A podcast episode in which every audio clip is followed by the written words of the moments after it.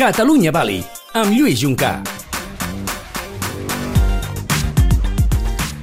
Atenció perquè dedicarem els pròxims minuts del programa a una paraula que segur que heu sentit molts cops, però no sé si sabríeu o sabríem per què m'incloc a vegades definir correctament quàntica. Què vol dir quàntica? Ara ho sabrem.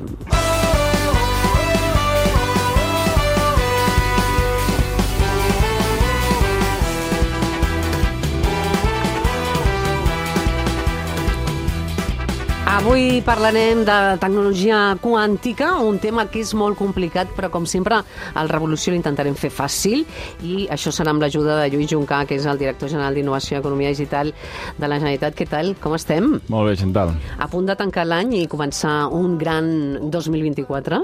Sí, tot pinta que pot ser un molt bon any per l'economia digital i tecnològica, sí, sí. T'atreveixes a fer un pronòstic? Bones expectatives de l'economia digital?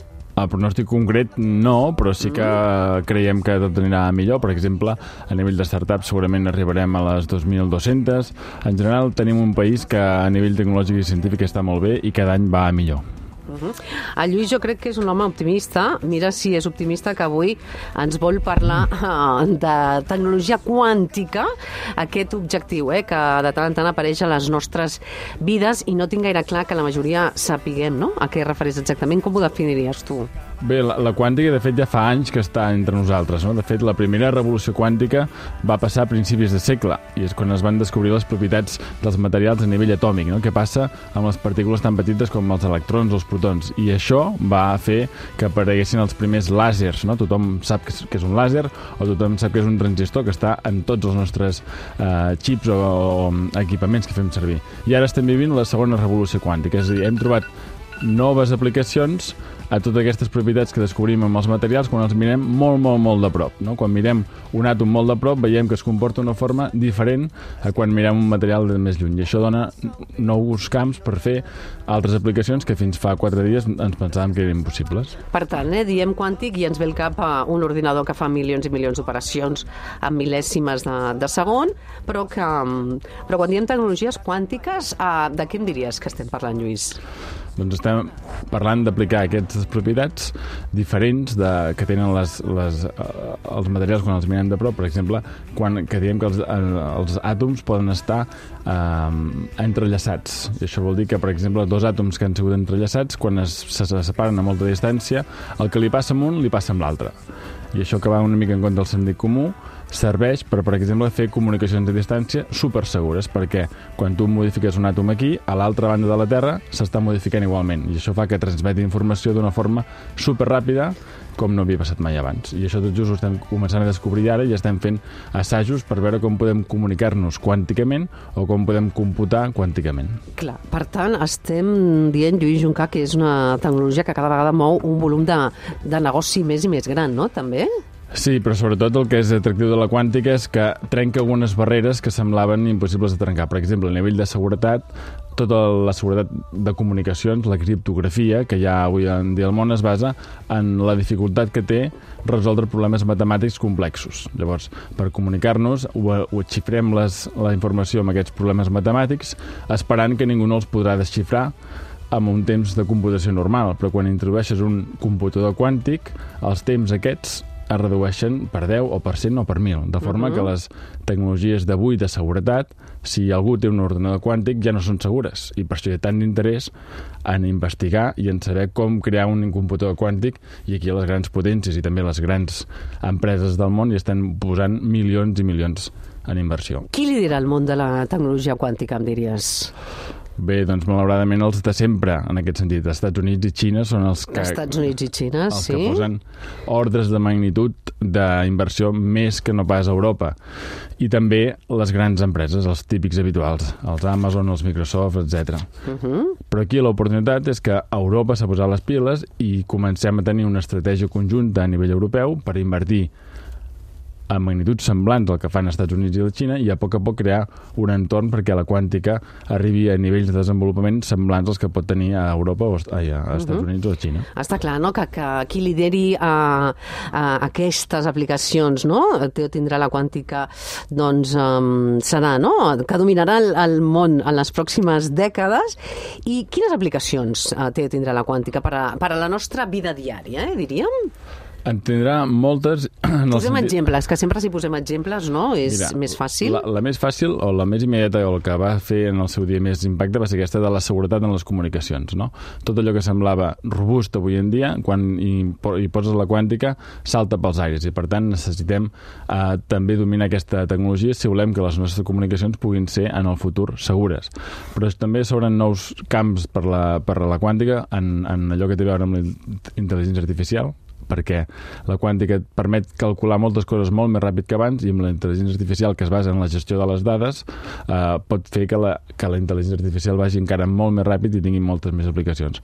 O també, per exemple, en el cas de la salut, no s'han descobert mètodes per fer servir la quàntica com a sensors molt específics i molt petits per detectar canvis minúsculs en el cos.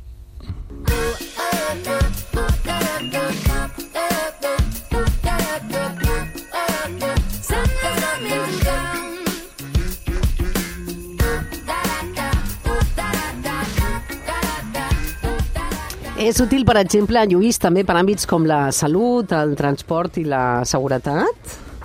Exactament, Eh, com dèiem, amb la salut podem veure les primeres aplicacions perquè amb sensors, dispositius molt, molt petits, molt poc eh, invasius, puguem tenir dades de com funciona el cos en temps real d'una forma molt més àgil i molt més ràpida que els dispositius convencionals.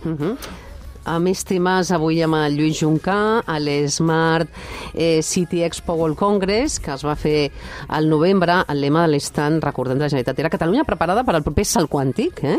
Catalunya preparada per al proper salt quàntic. Què vol dir que, que està preparada, no? El país, com ens canviarà, no?, a, amb aquest uh, salt quàntic?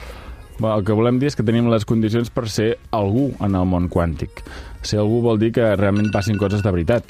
Uh, en aquest sentit, per exemple, tenim uh, l'ICFO, que és el, un centre de recerca que és pioner a Europa, forma part de la xarxa europea de quàntica, uh -huh. i alguns dels projectes a nivell europeu que definen la Comissió Europea com a prioritaris, l'ICFO en forma part. No? I, per tant, nosaltres uh, el que evidenciem és que tenim ja uh, les institucions públiques i privades i algunes uh, companyies privades que estan fent coses de, de, de primer nivell en quàntica i que, per tant, nosaltres el que volem és posicionar Catalunya com una de les parts implicades en aquesta estratègia europea de la quàntica. I les empreses i institucions també estan ben posicionades eh, en aquest uh, sector quàntic aquí, mundial. L'ICFO, que és l'Institut Català de Fotònica, està liderant alguns d'aquests projectes i, per exemple, n'hi ha un que es diu Collserola, amb Q, Uh -huh. no? Collserola, que el que està ja fent ara és fer una anella de comunicacions quàntiques al voltant de Barcelona, perquè di diverses institucions es puguin comunicar amb, aquestes, uh, amb, aquesta, amb aquest nivell de seguretat que comentàvem abans. O també estan fent el primer ordenador quàntic a Barcelona. Uh -huh. el, el BSC, el Barcelona Supercomputer, tindrà a partir del 25, segurament, De l'any 25, eh? tindrà un ordenador quàntic. Això uh -huh. que semblava una mica de pel·lícula de ciència-ficció, o que només es podia fer a, la, a, a Xina o als Estats Units, o potser a Alemanya, com en el cas d'IBM, que està fent allà ordenadors, doncs a Barcelona també en tindrem un ordenador d'aquests. Un ordinador I quàntic Catalunya, el 2025. Però que ja s'està fent, eh? no, any. no és un bluff. Ja, ja, O sigui, ja. a l'ICFO ja estan fent les Sí, peces sí. d'aquest ordenador Tenim ganes que estigui acabat, no? Però sobretot, a més, queda un any, perquè, escolta, estem acabant el 23, ve el 24, i per tant ens queda només un any, no, Lluís, d'aquestes bones notícies, no?, també de tot el que ens permetrà. I recordem, productes eh, quàntics, no sé si en podem dir així, eh, eh, ofereixen també ja eh, institucions i professionals qualificats? Sí, eh, i comencem a veure en forma, per exemple, de startups. I tenim eh, quatre startups catalanes que es guanyen la vida fent quàntica. Hi ha un, es diuen QSite, Luz Quanta, Kilimanjaro.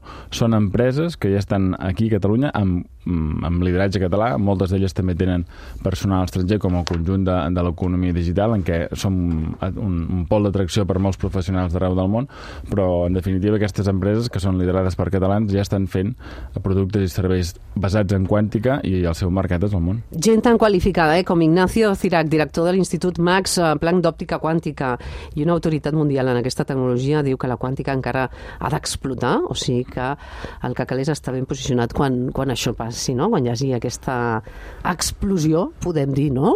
Sí, no sé si estem preparats per tantes revolucions, no? però ara que tots comencem a entendre el poder de la revolució de la intel·ligència artificial, doncs molts diuen que la quàntica pot fer igual o més que la intel·ligència artificial, i o menys que combinades faran encara un salt molt més gran. I per tant, en la mesura que nosaltres puguem, i així ho demostra que podem, que tenim l'IFOC, per exemple, Clar. doncs nosaltres volem ser algú en aquesta revolució quàntica que vindrà a partir de l'any que ve. Clar. Um, per cert, eh, s'està acabant el 2024 i eh, què li desitges uh, en tecnologia el 2024? Doncs que siguem valents, que tinguem molta més inversió especialment de, de gent local d'aquí, que fomentem el nostre ecosistema de startups i que siguem nosaltres els primers que creiem en les nostres capacitats, perquè si no moltes vegades les empreses d'aquí que ho fan bé es troben que quan volen sortir al món, si no tenen el recolzament local, eh, això els genera dubtes. No? Per tant, eh, necessitem apoyar i tenir confiança en les capacitats tecnològiques i científiques de Catalunya. Molt bé, doncs escolta, gràcies Lluís Juncà per explicar no, aquest repte, eh, la tecnologia quàntica, que no era fàcil, i, i fer-ho bé, i per tant ho hem aconseguit, no? Ho has aconseguit. Espero que sí. Bon any i ens veiem el 2024. Molt bé, fins l'any que ve. Gràcies. Et sonaria bé rebre els diners de les vendes de la teva botiga online en temps real? Oh my god! Money, la passarel·la de pagaments més avançada. Descobreix la Money.com. Money, com diners en anglès, però amb la i llatina. Amb bus i ja estàs nerviós, i aquests nervis es converteixen en mal de cap. Quan el mal de cap t'agafa desprevingut, Gelocatil Solució Oral, bevible i de ràpida absorció. El primer paracetamol en pack sense necessitat d'aigua a partir de 14 anys. Gelocatil, de Ferrer.